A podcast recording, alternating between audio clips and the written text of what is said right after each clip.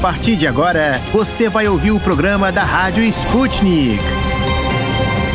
Olá, queridos ouvintes. Meu nome é Ana Liv Esteves e eu tô aqui com o meu colega Pablo Rodrigues para comandar mais um programa da Rádio Sputnik diretamente de Moscou. Saudações ouvintes, é um prazer começar mais uma jornada de notícias, análises e entretenimento juntinho de vocês. Vamos conferir os destaques desta quarta-feira, 29 de dezembro. O Brasil segue mobilizado por causa das enchentes no estado da Bahia, depois da confirmação da morte de um jovem de 19 anos que se afogou ao tentar atravessar uma enxurrada em Ilhéus. O número de mortos chegou a 21. Mas também não está nada fácil para quem fica. 77 mil pessoas precisaram sair das suas casas e quase 35 mil estão desabrigadas. 136 cidades baianas estão em situação de emergência, o que equivale a 30% dos municípios do estado. A situação ainda pode se agravar porque há risco de enchente nos municípios de Itambé,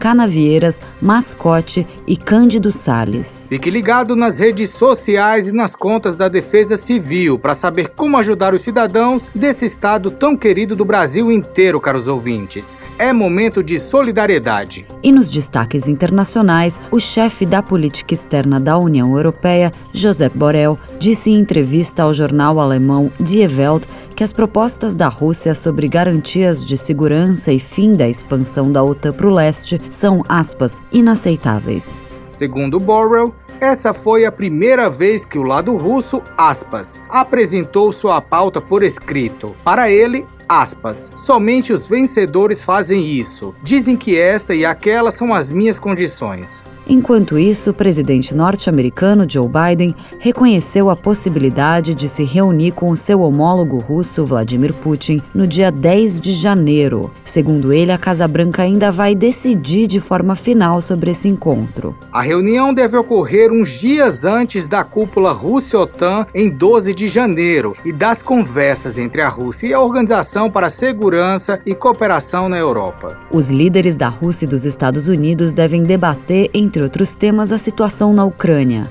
Nesse ano, os presidentes se reuniram duas vezes, uma no início de dezembro, em formato de videoconferência, e pessoalmente em junho, na cidade suíça de Genebra. Vamos começar 2022 com reuniões de alto nível, caros ouvintes. Mas agora vamos lá ver o que mais preparamos para vocês no programa de hoje. E no programa de hoje. No Destrinchando a Charada Brasil, entrevistamos uma economista para dar dicas sobre o que fazer com o prêmio de 350 milhões de reais da Mega da Virada. No Esqueceram de Mim em Portugal, a Luísa Ramos vai nos atualizar sobre a situação da pandemia na Terrinha e na Europa. O Bombando no YouTube vai revelar como nasce um tanque antitanque na Venezuela. No Destrinchando a Charada Internacional, vamos entender o que vai ser do Iraque depois da retirada de tropas dos Estados Unidos. O Mistura do Brasil com Moscou vai bater um papo com Boris Zabalotsky, que possui uma relação tanto pessoal como profissional com a Rússia. O Deu Russo, que conta as bizarrices que acontecem na Rússia, vai revelar o que é preciso para transformar carros em picolés. Está à procura de notícias com outros pontos de vista e posicionamentos? Curta nossa página no Facebook. É só digitar Sputnik Brasil na busca do Facebook e deixar sua curtida. Destrinchando a charada. De dentro e fora do Brasil. Política, economia, sociedade e tudo que engloba o maior país da América Latina. As charadas mais complicadas do Brasil são destrinchadas aqui.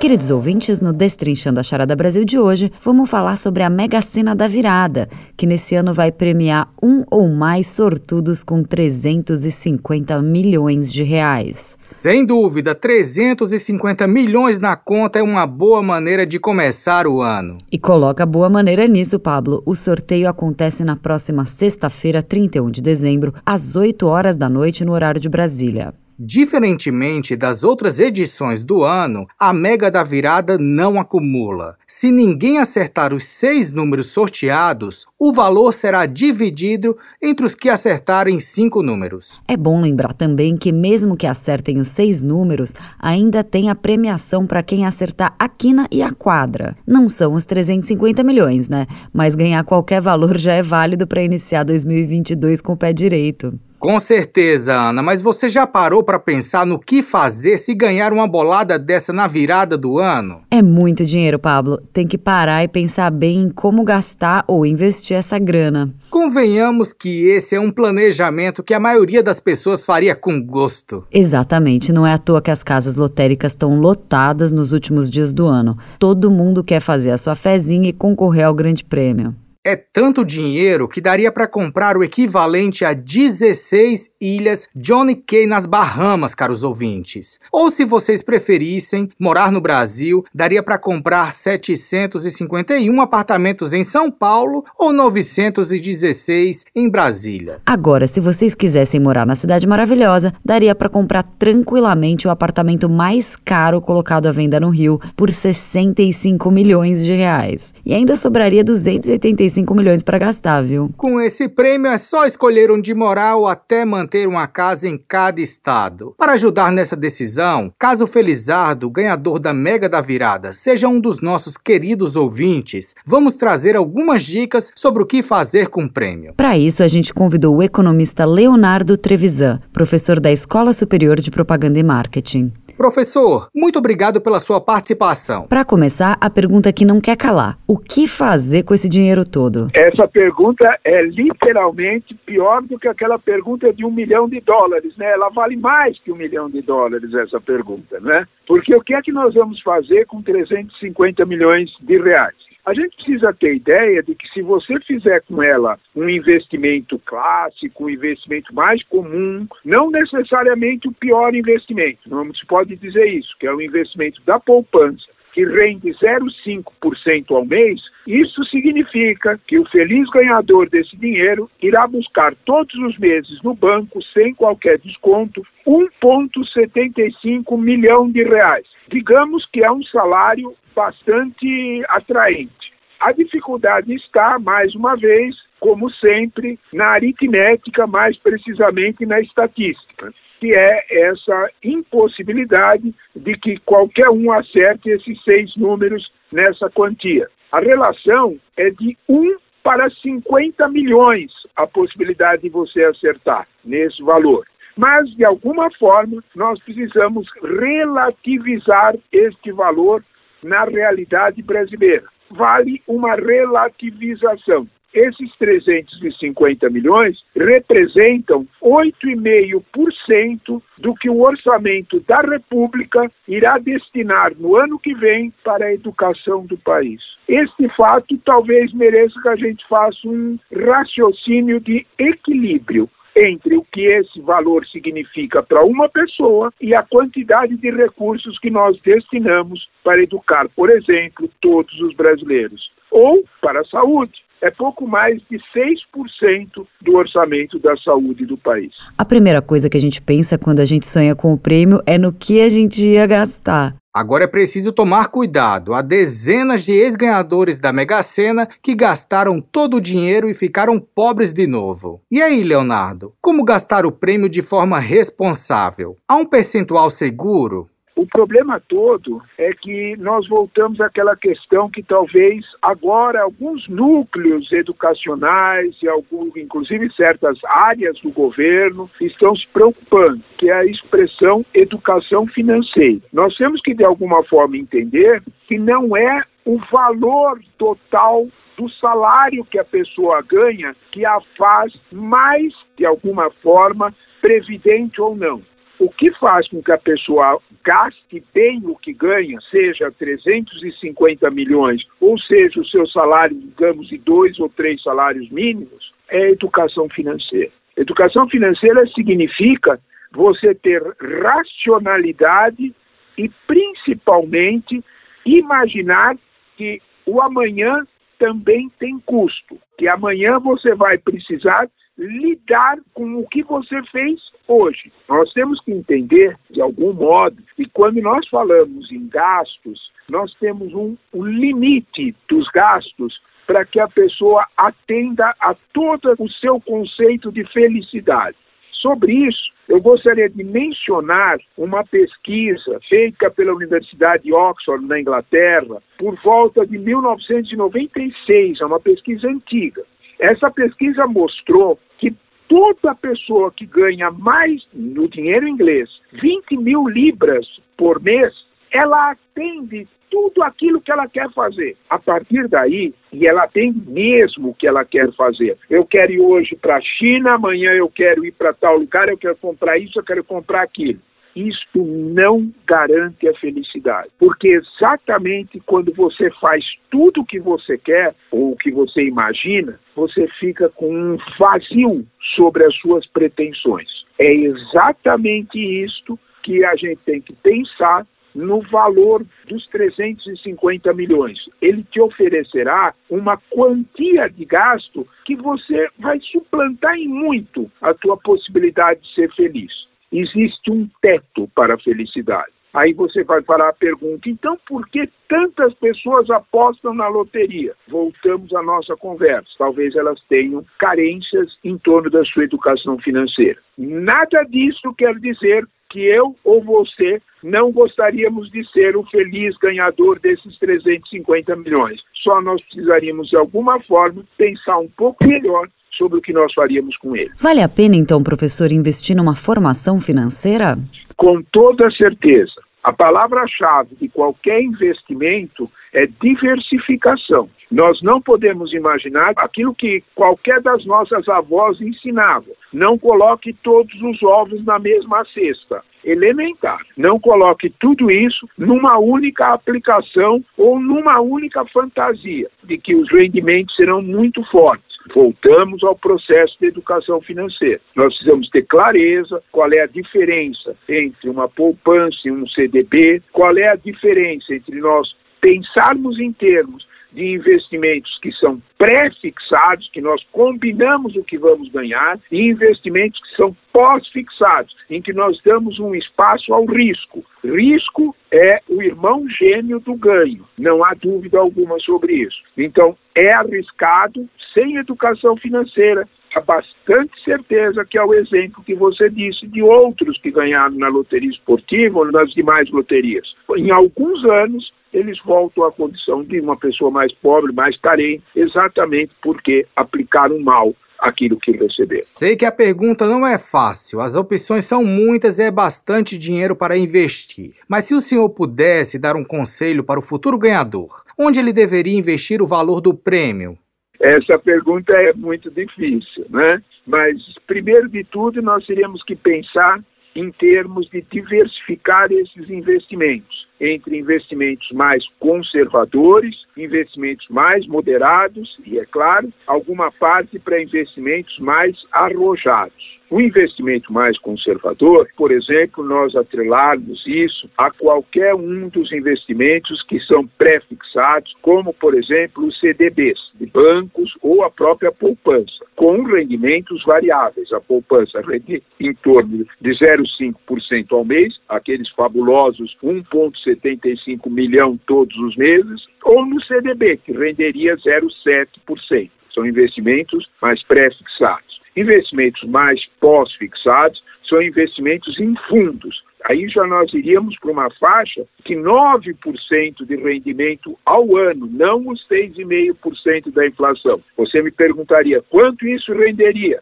Isso significa um rendimento mensal de 9%, em torno de 2 milhões e 590 mil por mês.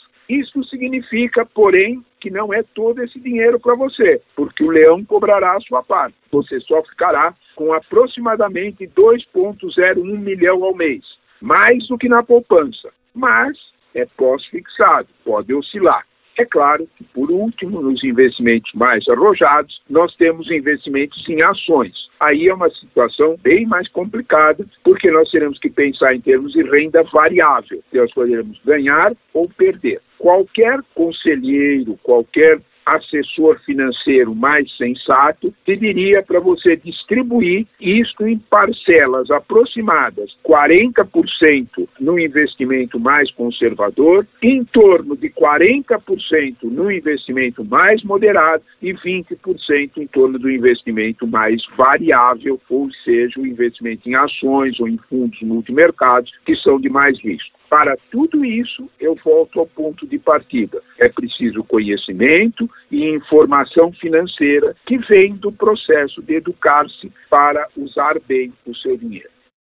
Com um prêmio desse, dá para parar de trabalhar e viver só da renda, professor? Ah, meu caro, eu acho que é só pensar no seu salário ou no meu e nós pensaremos que 1,75 milhão todos os meses para ir buscar no banco sem fazer nada, na poupança absolutamente tranquilo, é sem dúvida nenhuma um bom negócio, digamos dessa forma. Agora a gente sabe que o número de apostadores é muito grande e infelizmente não tem prêmio para todo mundo. Para aqueles que não ganharem na Mega Sena, qual o conselho financeiro que o senhor dá para 2022? Prudência, prudência e mais prudência. De alguma forma, nós teríamos para aqueles que têm o salário, para ganhar o salário, fazer uma correlação bastante clara com o surto inflacionário, com o aumento da inflação. Eu chamo a atenção para que este ano aqui, o prêmio da loteria da Mega Sena acumulada chegou a 350 milhões.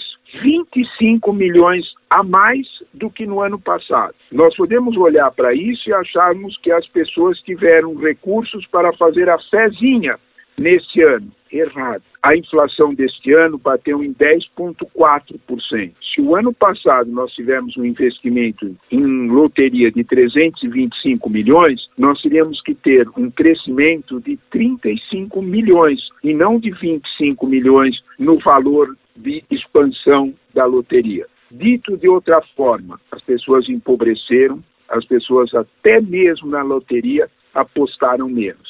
Inflação é isso. Então, quando nós olhamos para essa realidade, nós sugerimos que as pessoas pensem duas vezes na sua situação, principalmente nos gastos a fazer em relação ao surto inflacionário que vivemos. Façam suas apostas, caros ouvintes. Os jogos podem ser feitos nas casas lotéricas ou de forma online até às 17 horas desta sexta-feira, 31 de dezembro. Quem sabe você não se torna o mais novo milionário brasileiro? Professor, muito obrigado pela sua participação. Esse foi Leonardo Trevisan, economista e professor da ESPM. O nosso Destrinchando a Charada Brasil fica por aqui. Boa sorte para quem for jogar na Mega da Virada e até a próxima.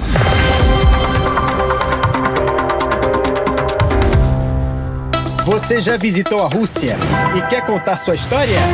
É só mandar um áudio de 5 minutos para o e-mail radio.br@sputniknews.com. Esqueceram de mim em Portugal. Senhoras e senhores passageiros, apertem os cintos de segurança porque estamos prestes a decolar rumo a Portugal. A tripulação Sputnik Brasil deseja a todos uma ótima viagem.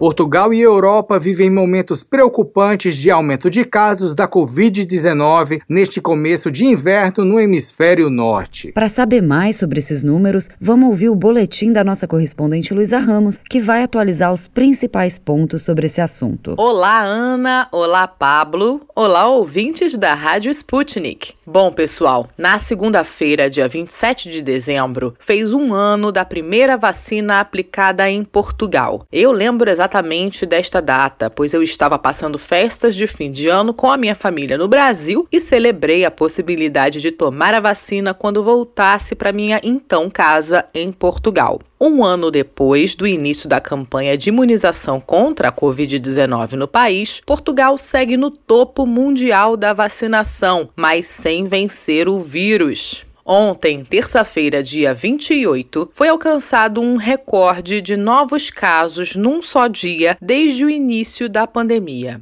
De acordo com o boletim epidemiológico da Direção-Geral da Saúde, a DGS, foram contabilizadas 17.172 infecções por Covid-19. O anterior máximo verificado foi no final de janeiro desse ano, quando se registraram cerca de 16 mil novos casos. No que diz respeito a mortes, os dados de segunda-feira, dia 27, revelaram 19 vítimas, sendo que seis se registraram em Lisboa e Vale do Tejo, cinco no centro do país, quatro no norte e duas pessoas no Algarve, além de outras duas na Ilha da Madeira. Do total de infectados, cerca de 900 pessoas estão internadas em hospitais. A ministra da Saúde de Portugal, Marta Temido, falou na TV SIC Notícias, aspas, estamos a enfrentar a variante Omicron como um arranha-céus, tal como tem enfrentado outros países. Estamos a trabalhar para o SNS, Sistema Nacional de Saúde Português, dar resposta a esta situação, mas, tal como todos os sistemas de saúde, nós também estamos com uma pressão brutal. Marta Temido apelou ainda à responsabilidade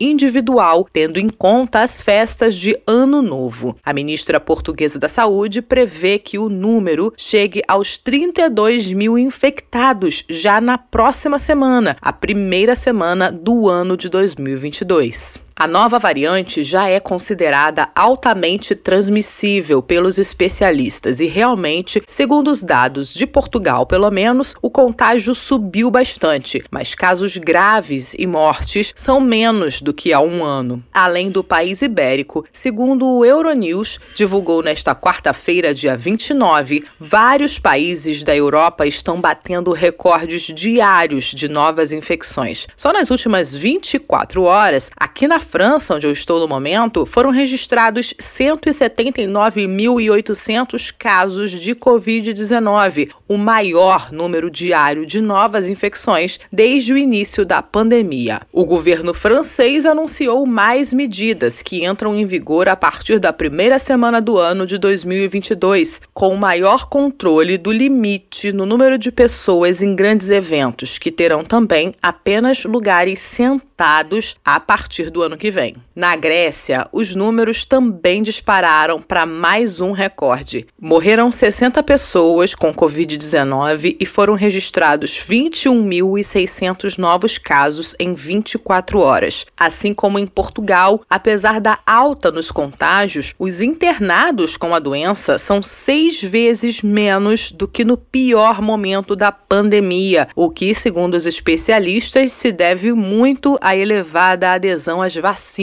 Em contraponto, Países como Polônia e Bélgica apresentam queda no número diário de casos e, com isso, redução de algumas restrições. Notícia animadora para demais países do bloco. Seguimos acompanhando a situação da Europa aqui na Sputnik para mantermos vocês, estimados ouvintes, sempre muito bem informados. Até amanhã. Por aqui, a Rússia registrou menos de 22 mil casos de Covid-19 pela primeira vez em três meses, segundo dados divulgados nesta terça-feira, dia 28, por autoridades sanitárias do país. Pelo quinto dia consecutivo, as mortes em decorrência da infecção não chegaram a mil, o que é algo positivo para o país, porque aqui a um mês, as manchetes dos jornais russos só falavam em aumento de casos. São Petersburgo, que é a segunda maior cidade da Rússia, ultrapassa Moscou no número de casos. Por isso, toda atenção é pouca. Seguir os protocolos de segurança ainda é imprescindível. Com certeza, Pablo.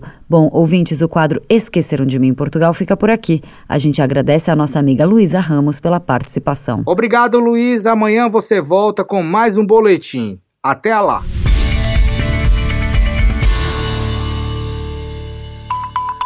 Para ficar por dentro de todas as novidades, tanto mundiais como brasileiras, se inscreva no nosso canal do Telegram. É muito simples. É só você escrever Sputnik Brasil na busca do Telegram e se inscrever para receber as notificações.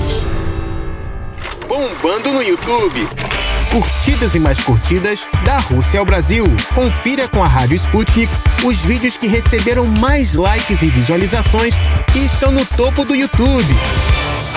E fique por dentro do que está sendo filmado por amadores ou profissionais pelo mundo afora.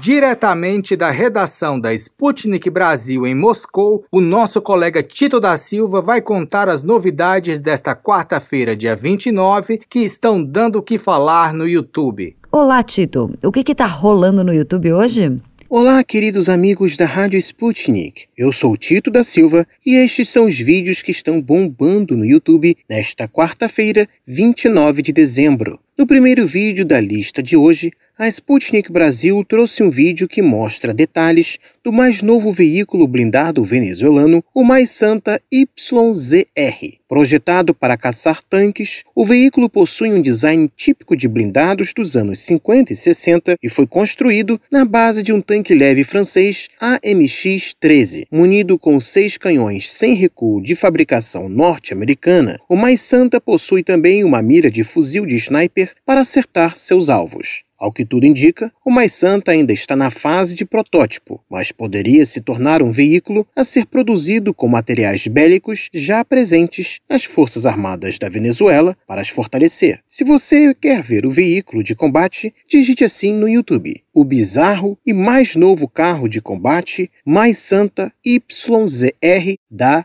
Venezuela. No segundo vídeo de hoje, a Rússia revelou detalhes do ataque com mísseis supostamente realizado por Israel contra o porto sírio de Latáquia na terça-feira 28. De acordo com o contra-almirante e vice-chefe do Centro Russo de Reconciliação para a Síria, Alek Juravlov, dois caças F-16 israelenses lançaram quatro mísseis contra o porto a partir do Mar Mediterrâneo. Anteriormente, a agência estatal de notícias síria SANA havia publicado que o ataque foi feito com mísseis lançados do fundo do mar, o que levantou a hipótese do uso de submarinos na ação. No entanto, Juravlov acrescentou que a aviação militar israelense atacou justamente quando uma aeronave russa pousava em uma base aérea próxima do aeroporto, dificultando o trabalho da defesa aérea da Síria. Por diversas vezes, Israel realizou bombardeios contra alvos que alega ser do Irã. Contudo, raras vezes os militares israelenses atacaram o porto de Latáquia, o que seria em parte devido à sua proximidade com a base aérea de Himeimin, utilizada pela Rússia. Para assistir ao vídeo, e obter maiores detalhes, digite assim no YouTube. Rússia revela detalhes de ataque israelense contra Porto na Síria. E no terceiro vídeo de hoje, enquanto a crise na Ucrânia figura verdadeiras tensões entre o Ocidente e a Rússia, os Estados Unidos decidiram mudar os planos para o grupo do seu porta-aviões USS Harry Truman.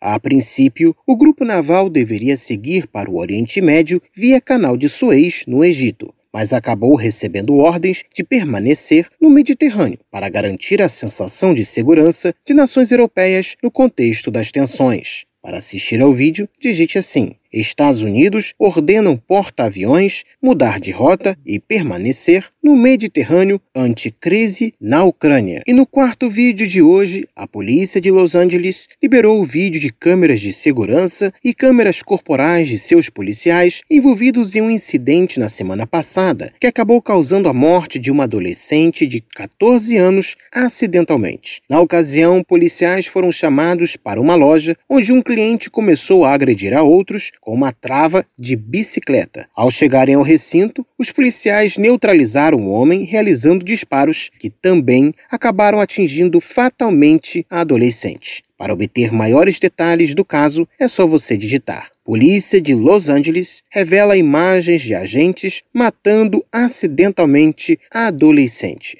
E no quinto vídeo de hoje, o canal Você Sabia tocou em um assunto no mínimo curioso. Você já deve ter percebido que por vezes as nossas crianças falam coisas bem que estranhas. O canal trouxe alguns exemplos da vida diária. Em um deles, uma mulher que fazia compras em um supermercado se deparou com uma mãe e seu filho. A criança ao olhar para a mulher, fez a seguinte declaração: Ei moça, você deveria comer seus amigos no jantar que é isso que eu e minha mãe fazemos. Bom, isso é bem assustador.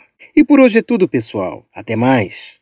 Tito comentou a novidade anti-tanque da Venezuela e os inscritos do canal da Sputnik Brasil no YouTube não estão perdendo a chance de comentar. E os comentários são hilários, ouvintes. A novidade em questão corresponde ao mais novo carro de combate Mais Santa YZR da Venezuela, que em tese é uma junção de veículos de diferentes nacionalidades. O veículo tem partes e armamentos de origens norte-americana, francesa e soviética. É quase um Lego, ouvintes. Um dos inscritos no canal da Sputnik Brasil no YouTube escreveu assim: Bem criativo esse povo. Só acho que um cenário de guerra não será nada eficaz, uma vez que carregamento manual externo, alcance de apenas um quilômetro, com as armas modernas de hoje, isso vai virar um alvo fácil. Outro ressaltou, aspas, pode até não servir para quase nada, mas mostra que engenhoca qualquer um é capaz de fazer. Tito, muito obrigado pelo boletim de hoje. A gente se vê amanhã.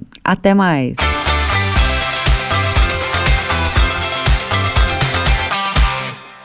Os vídeos mais esperados estão disponíveis no nosso canal no YouTube. Para encontrá-lo é fácil.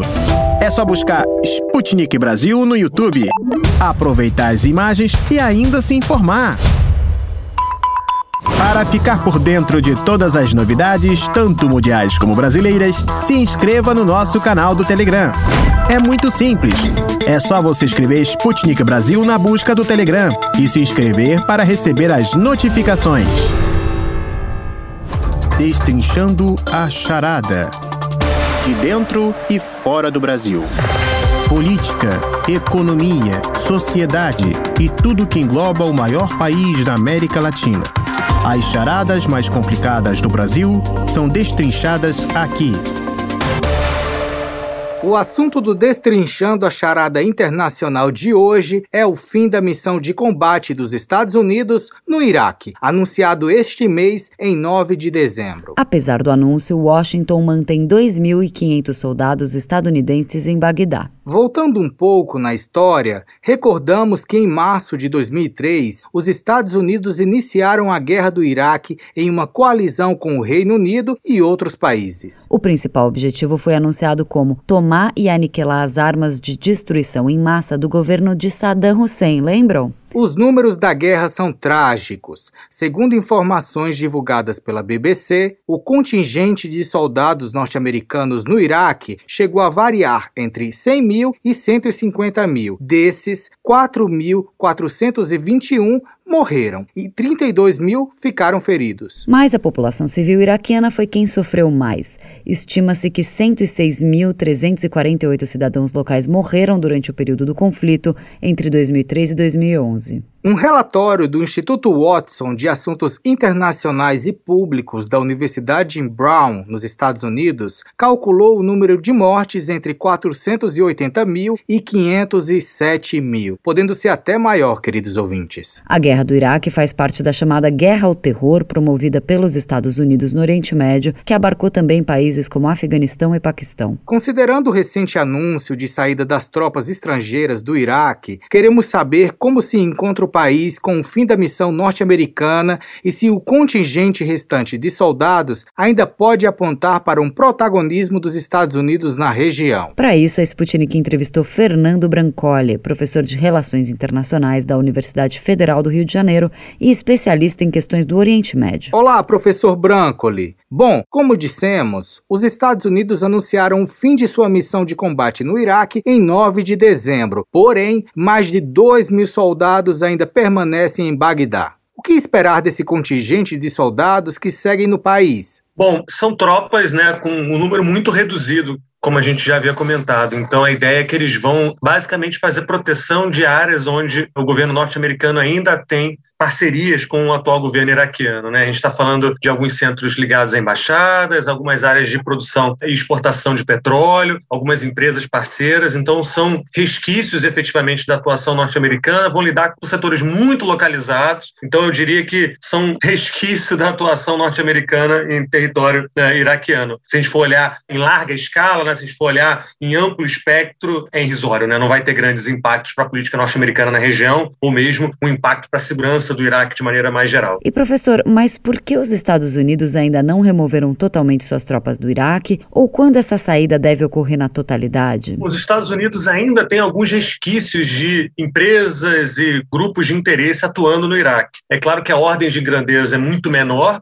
se a gente for comparar né, no auge da ocupação, no auge da atuação ou cooperação, como quisermos descrever a atuação norte-americana no Iraque, quando a gente tinha aí milhares de soldados, não só dos Estados Unidos, mas de outros países, e com a retirada a gente tem ainda alguns resquícios de programas, de grupos de interesse, de embaixadas que merecem ou precisam ser protegidas ainda. Então, acabam se relacionando dentro desse tipo de articulação a princípio não há um programa para retirar esses dois mil e poucos soldados que continuam por lá. Lembrando também que além dos soldados regulares, né, do soldado contratado pelo Estado, os Estados Unidos também promovem um emprego de grupos privados de segurança, né, com empresas privadas que fazem segurança de alguns espaços. Então, esse número pode crescer também no que diz respeito a uma atuação completa. Mas, de modo geral, os interesses norte-americanos na região, no que diz respeito à exploração de petróleo, proteção de áreas sensíveis, alguns programas de cooperação com o governo iraquiano ainda mantêm esse grau de proteção. Mas, de novo, a gente viu uma retirada, a gente viu uma saída norte-americana bastante potente, né, bastante importante. Então, esse resquício, esse grupo é muito mais rescaldo do que foi uma atuação maior. Né? Hoje, os Estados Unidos praticamente não tem uma atuação relevante dentro do Iraque no que diz respeito às Forças Armadas. Um mês antes da conclusão da missão americana de combate no Iraque, o premier iraquiano Mustafa al-Kadhimi sofreu uma tentativa de assassinato, depois de ameaças que teriam inclusive sido oriundas de lideranças xiitas xiitas locais. Considerando este fato, professor, é possível que movimentos xiitas possam tentar tomar o poder do Iraque após a saída total das forças norte-americanas? Essa era uma questão sempre levantada, né? Se poderia ocorrer uma espécie de golpe dentro do Iraque, lembrando inclusive que embates entre forças sunitas e xiitas foram um mote do Iraque nos últimos anos. Né? A gente tinha aí milícias e grupos organizados armados com apoio do Irã, que de alguma maneira tentavam bater de frente com o governo institucionalizado. Eu diria que essa chance hoje é remota, principalmente porque esses grupos xiitas, esses grupos armados, perceberam que não precisam usar força para tomar o poder. Eles podem, através de influência com a população, influência em áreas-chave, investimentos específicos em áreas estratégicas e ganhando apoio, prestígio e influência e ocupar, de certa forma, o governo iraquiano. Então, acho que eles perceberam, principalmente se a gente olhar né, o histórico de violência dos últimos anos, que bater de frente, que tentar tomar o estado de assalto, chama atenção internacional, gera mortes, gera problemas de imigrantes forçados, refugiados. É muito mais interessante você, como a gente comenta aqui no Brasil, ir comendo pelas beiradas, né? você ir atuando de maneira não tão violenta. Então, de maneira direta, eu acho que não vai ocorrer uma espécie de guerra civil com tomada de espaços por parte de grupos armados, mas a gente pode ver, sim, um fortalecimento, que já vinha acontecendo, né, mas uma consolidação desses grupos através de procedimentos não tão violentos, através de movimentações ligadas aí a dinâmicas mais institucionalizadas, mais softs, ligadas a investimentos, entradas em mesquitas, coisas parecidas. Existe a possibilidade do cenário da saída total das tropas americanas do Iraque repetir a retirada do Afeganistão? Olha, eu acho que são cenários que têm diferenças importantes, né? O governo iraquiano, apesar de muito disfuncional, apesar de ter problemas seríssimos com corrupção, com a capacidade de prover bens públicos para sua população, é um governo mais robusto do que o governo afegão. Né? O governo do afegão, apesar aí de 20 anos de ocupação da OTAN, de ocupação dos Estados Unidos, teve problemas em se consolidar. E tem a ver, inclusive, com o próprio histórico do Afeganistão e coisas parecidas. O governo iraquiano vem de um histórico, inclusive anteriormente com Saddam Hussein, é muito mais robusto, muito mais potente, com uma capacidade de organização, de administração mais séria. Então, me parece que o que a gente pode ter no Iraque agora não seria uma erosão estatal, um completo caos dentro do país. Mas talvez aí mais problemas para o Estado conseguir prover bens públicos, um aumento expressivo na já presente corrupção, a incapacidade de prover segurança e às vezes alimentação para a própria população. Digo respeito à própria pandemia de coronavírus, o Iraque praticamente não iniciou a campanha de vacinação, então tem problemas em lidar com esse tipo de questão. Então eu não viria uma erosão completa, mas um Estado disfuncional, mas ainda mantendo estruturas burocráticas. Professor Fernando Brancoli, há o risco de o Iraque se tornar um Estado satélite do Irã? Eu não sei se a descrição de um Estado satélite seria melhor, mas certamente o Iraque hoje é um parceiro e um aliado muito importante para o Irã. A gente tem que pensar que desde 2003, na verdade, na invasão norte-americana e a derrubada de Saddam Hussein, a gente tem uma retomada dos grupos ligados ao Irã chegando ao poder. E o Iraque hoje atua, do ponto de vista de sua política interna e externa, muito próximo de Teherã, o que torna né, até a análise internacional um, um fato curioso, pensando que o Bush, ao derrubar derrubar Saddam Hussein, dá, de certa forma, de presente para o Irã. Então, rival, e ainda rival norte-americano, o Iraque quase que de presente, né? Aproxima o Iraque do Irã de maneira muito próxima. Então, não sei se o Estado satélite seria uma melhor descrição, porque a gente acaba imaginando que é um Estado quase sem autonomia, né? Virando um Estado fantoche nas mãos do Ayatollah ou algo parecido. Não acho que é isso. O Iraque tem aí um grau de autonomia, mas ele está muito próximo, ele tem convergências religiosas, econômicas, políticas, de segurança com o governo de Teherã. E hoje em dia, de maneira ainda mais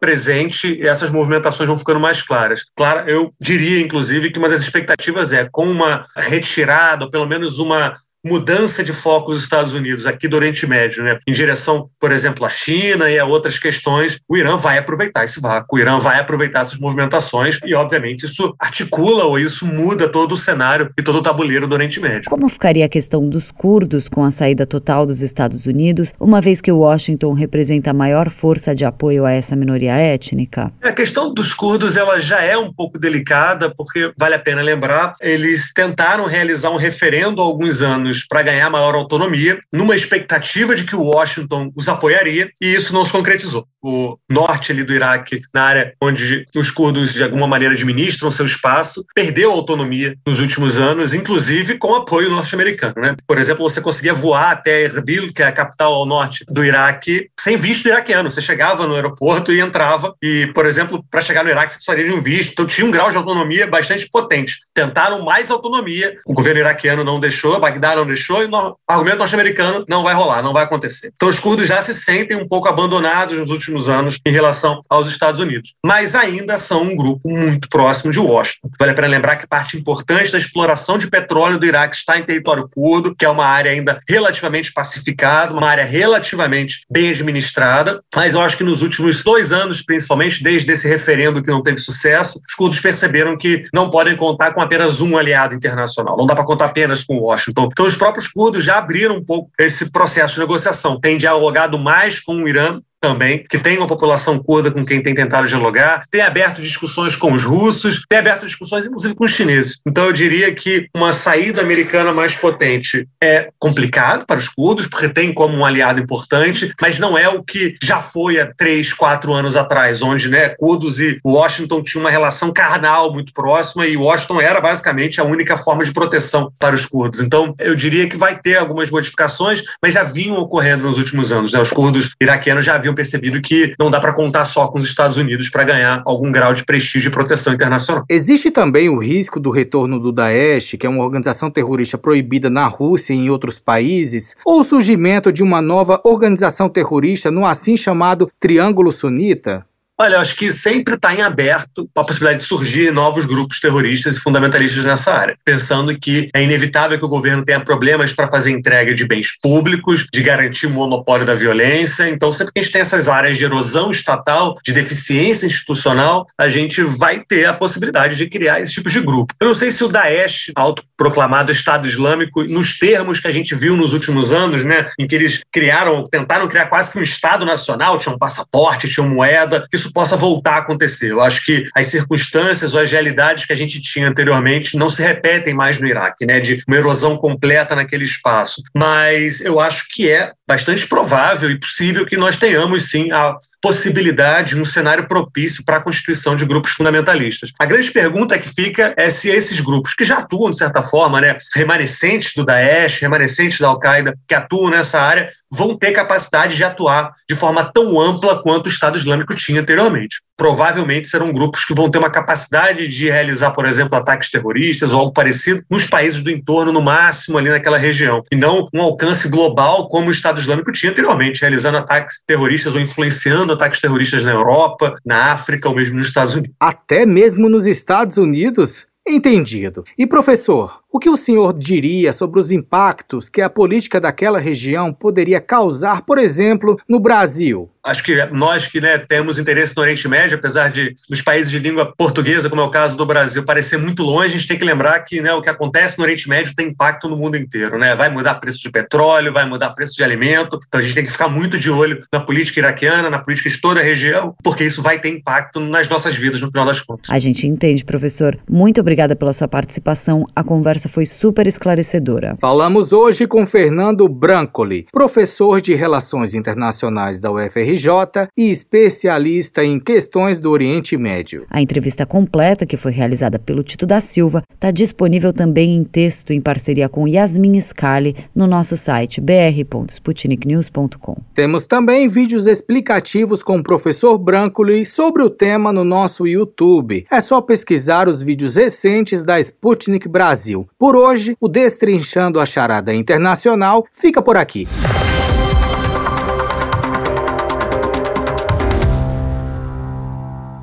Você já visitou a Rússia e quer contar sua história? É só mandar um áudio de 5 minutos para o e-mail radio.br@sputniknews.com. Mistura do Brasil com Moscou. A mistura agora é com a Rússia e a coreografia já está pronta. Com os gingados russos e brasileiros, as relações estão em sintonia entre estes dois gigantes.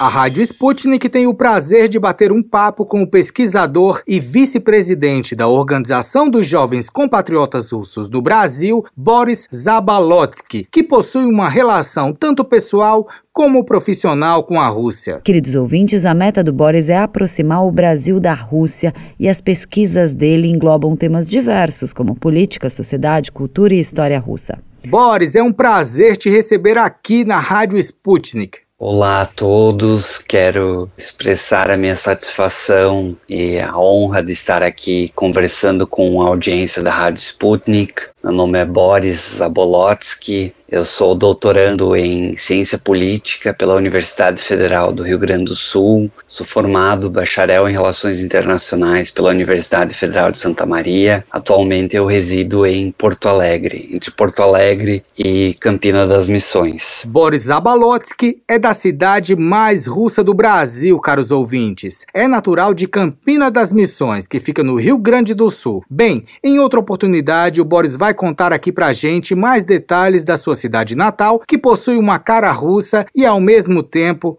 brasileira. Então quer dizer que você tem descendência russa, né, Boris? Você podia contar um pouco pra gente sobre a sua relação com a Rússia? A questão da ligação com a Rússia, ela se dá em vários aspectos, né, tanto pessoais quanto profissionais, né? Eu tenho descendência russa, meu avô veio da Rússia. Isso, de alguma medida, fez com que a cultura, o idioma da Rússia estivessem bastante presentes ao longo de toda a minha vida. E isso também perpassou só a esfera pessoal e também está na esfera profissional, né? Eu tenho dedicado a minha vida acadêmica a justamente entender melhor a política externa russa, a história da Rússia, aspectos culturais, sociais que formulam a identidade russa, que eu acho que são importantes para explicar e para demonstrar à sociedade brasileira e para todos os interessados em demonstrar outras formas de se olhar para aquele país e se entender aquele país. Então, justamente tentar explicar de outras formas esse país que para muitos pode ser considerado um tanto quanto estranho, né? Aqui no Brasil, mas eu tenho me dedicado nesse sentido, né? Eu tenho feito minhas pesquisas já desde a minha graduação em relações internacionais, agora passando pelo mestrado e agora no doutorado, justamente relacionando esses aspectos envolvendo a Rússia, a política externa russa, a política interna russa e como isso tem reverberações no mundo como um todo, né? Inclusive aqui no Brasil. Boris, com certeza você vem explicando aspectos culturais, políticos, sociais e históricos da Rússia de forma genuína. Me diz uma coisa: existe uma organização onde os nossos ouvintes podem ficar por dentro de temas relacionados à Rússia? Eu queria aproveitar esse espaço e a audiência da Rádio Sputnik para divulgar dois projetos, duas iniciativas que eu considero extremamente importantes. A primeira é a Organização dos Jovens compatriotas russos no Brasil. Eu sou vice-presidente da organização e nós somos uma organização sem fins lucrativos e os nossos objetivos são justamente divulgar e fomentar a cultura e o idioma russo aqui no Brasil. E para isso a gente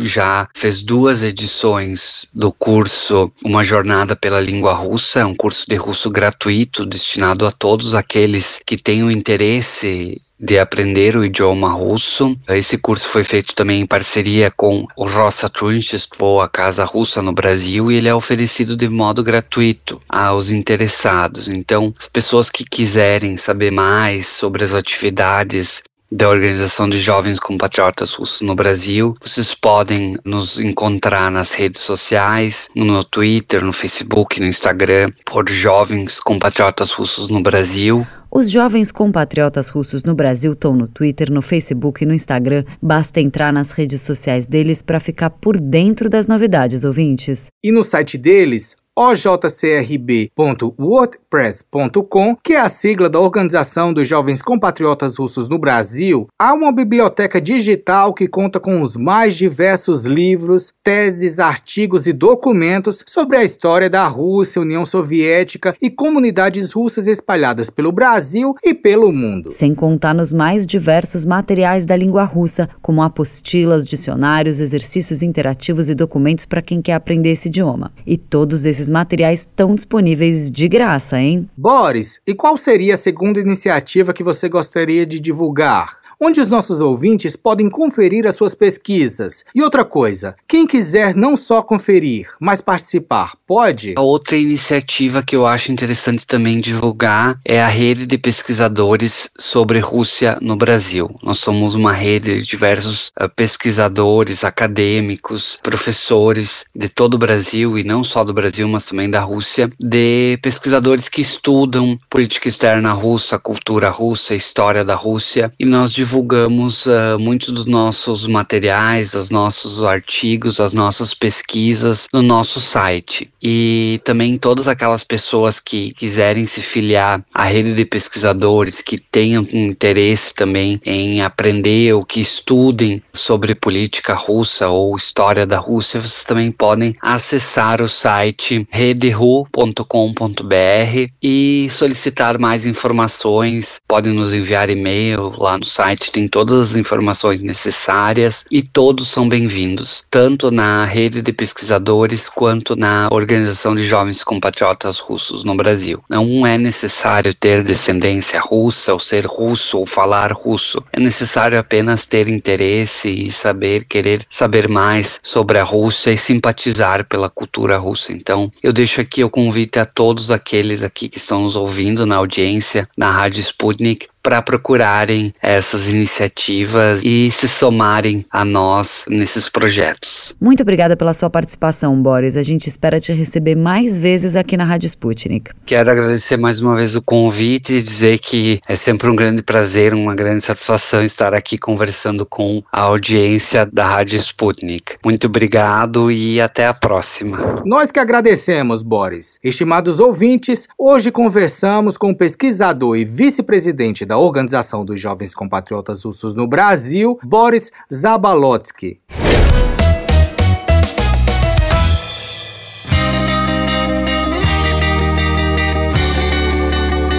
Deu Russo.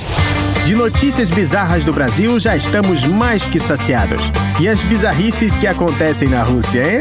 É outro nível, rapaziada. Ih, deu russo! Com o inverno pegando pesado na Rússia, o Deu Russo de hoje não poderia ser outro além de congelante, queridos ouvintes. Literalmente congelante. As temperaturas de Moscou já estão inferiores a menos 10 graus Celsius. Então, se você abrir a janela e colocar qualquer coisa do lado de fora e deixar esse objeto lá por um tempo fora do apartamento, pode ter certeza que quando você for retirar ele de lá, ele vai estar tá congelado. E não seria diferente em Vladivostok, no extremo oriente russo. Escutem essa, ouvintes. Um navio atracou no porto de Vladivostok com uma carga um tanto congelada. Era um grande navio e dentro dele, se vocês olhassem assim de longe, longe, parecia ter uns cubos de gelo muito parecido com os tijolos de gelo das casas dos esquimós, sabe? Se de longe a impressão era se tratar de cubos de gelos das casas dos esquimós, de perto a realidade era completamente diferente. O navio, ouvintes, estava transportando carros que chegaram a Vladivostok como picolés. O navio saiu do Japão rumo a Vladivostok transportando carros e durante o trajeto as temperaturas caíram demais.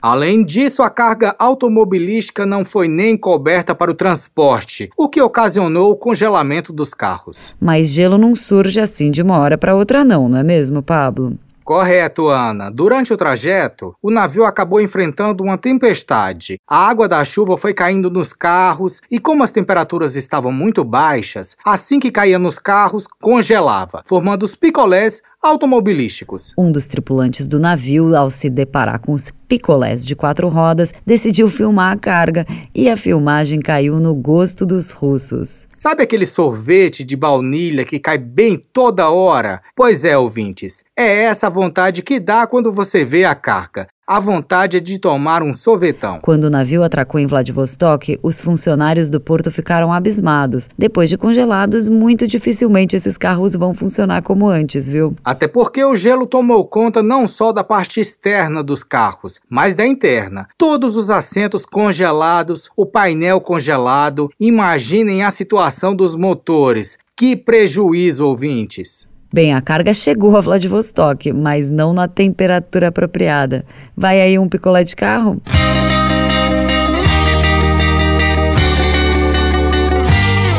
Queridos ouvintes, em Moscou, jantar em um restaurante japonês pode sair muito caro para seus clientes, principalmente para quem anda com casacos caríssimos. Ué, mas o que, que tem a ver um casaco de pele com um restaurante japonês, Pablo? Bem, Ana, acho que antes de tudo é bom explicarmos para os nossos ouvintes que em época de inverno, os estabelecimentos russos abrem seus guarda-roupas, que é como os russos chamam a zona de entrega de casacos. Verdade, Pablo. Antes de ir para a mesa, o cliente já passa pelo guarda-roupa do restaurante e deixa lá o seu casaco. Assim, os casacos não ficam amontoados ou pendurados na zona das mesas. E tem guarda-roupa em tudo quanto é canto, em clínicas, em instituições de ensino e, claro, em restaurantes. E quem recebe os casacos é um funcionário do estabelecimento que dá um número para o dono do casaco para que depois ele receba sua vestimenta. Ah, eu sempre uso esse serviço, até porque ficar andando com o casaco debaixo do braço para lá e para cá não dá, não é mesmo? Sem contar que é muito seguro, até porque sem o número não dá para você receber o casaco. Pelo visto, Ana, nem todos os estabelecimentos da capital russa são tão seguros assim e eu vou contar o porquê. Em um restaurante japonês, uma moscovita chegou para jantar e decidiu deixar no guarda-roupa do estabelecimento seu casaco. Mas não era qualquer casaco não, queridos ouvintes. O casaco da moscovita era de pele, caros ouvintes, mais especificamente de pele de lince. E todo mundo que mora na Rússia sabe que esse casaco de pele de lince custa o olho da cara. Pois bem, a cliente deixou o casaco, recebeu o número e foi jantar.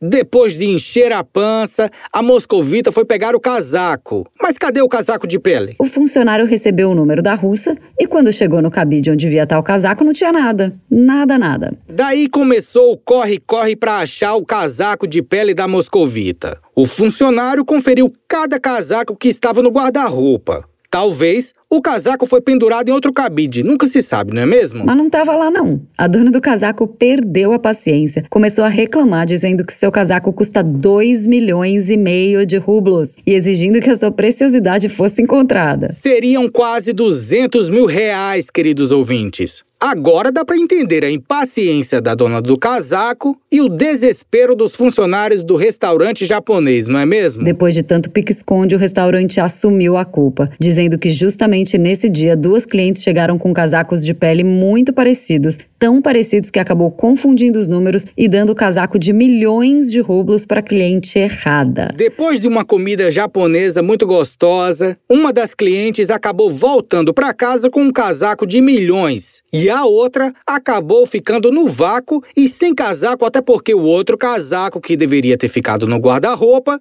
não estava lá. Será que esse restaurante acabou inventando que os casacos foram trocados? E aí, ouvintes, o que vocês acharam? Se inventaram, eu não sei. O que eu sei é que a dona do casaco de milhões acabou indo para casa passando frio, pois o casaco não foi achado e quem levou a peça preciosa para casa nem deu as caras.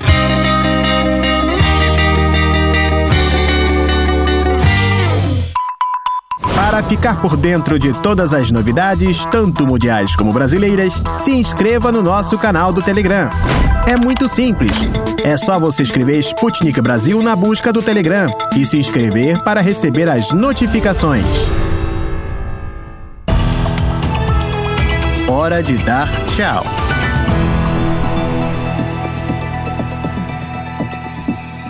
E o programa desta quarta-feira, 29 de dezembro, está chegando ao fim, estimados ouvintes. Mas não se preocupem não, pois amanhã estamos de volta. Verdade, amanhã a gente está de volta com muito mais entrevistas sobre temas nacionais e internacionais, novidades sobre Portugal, ranking dos melhores vídeos do YouTube e anúncios de composição brasileira raríssima. Esperamos que vocês tenham gostado do programa de hoje, caros ouvintes. Abraços! O programa da Rádio Sputnik teve apresentação, produção e edição de texto de Ana Lívia Esteves e, claro, de mim, Pablo Rodrigues, e produção de conteúdos e edição de texto de Everton Maia, Luísa Ramos e Tito da Silva. A edição e a montagem do programa são do Wellington Vieira e do Davi Costa. O editor-chefe da redação da Sputnik Brasil no Rio de Janeiro é Renan Lúcio e em Moscou, Konstantin Kuznetsov.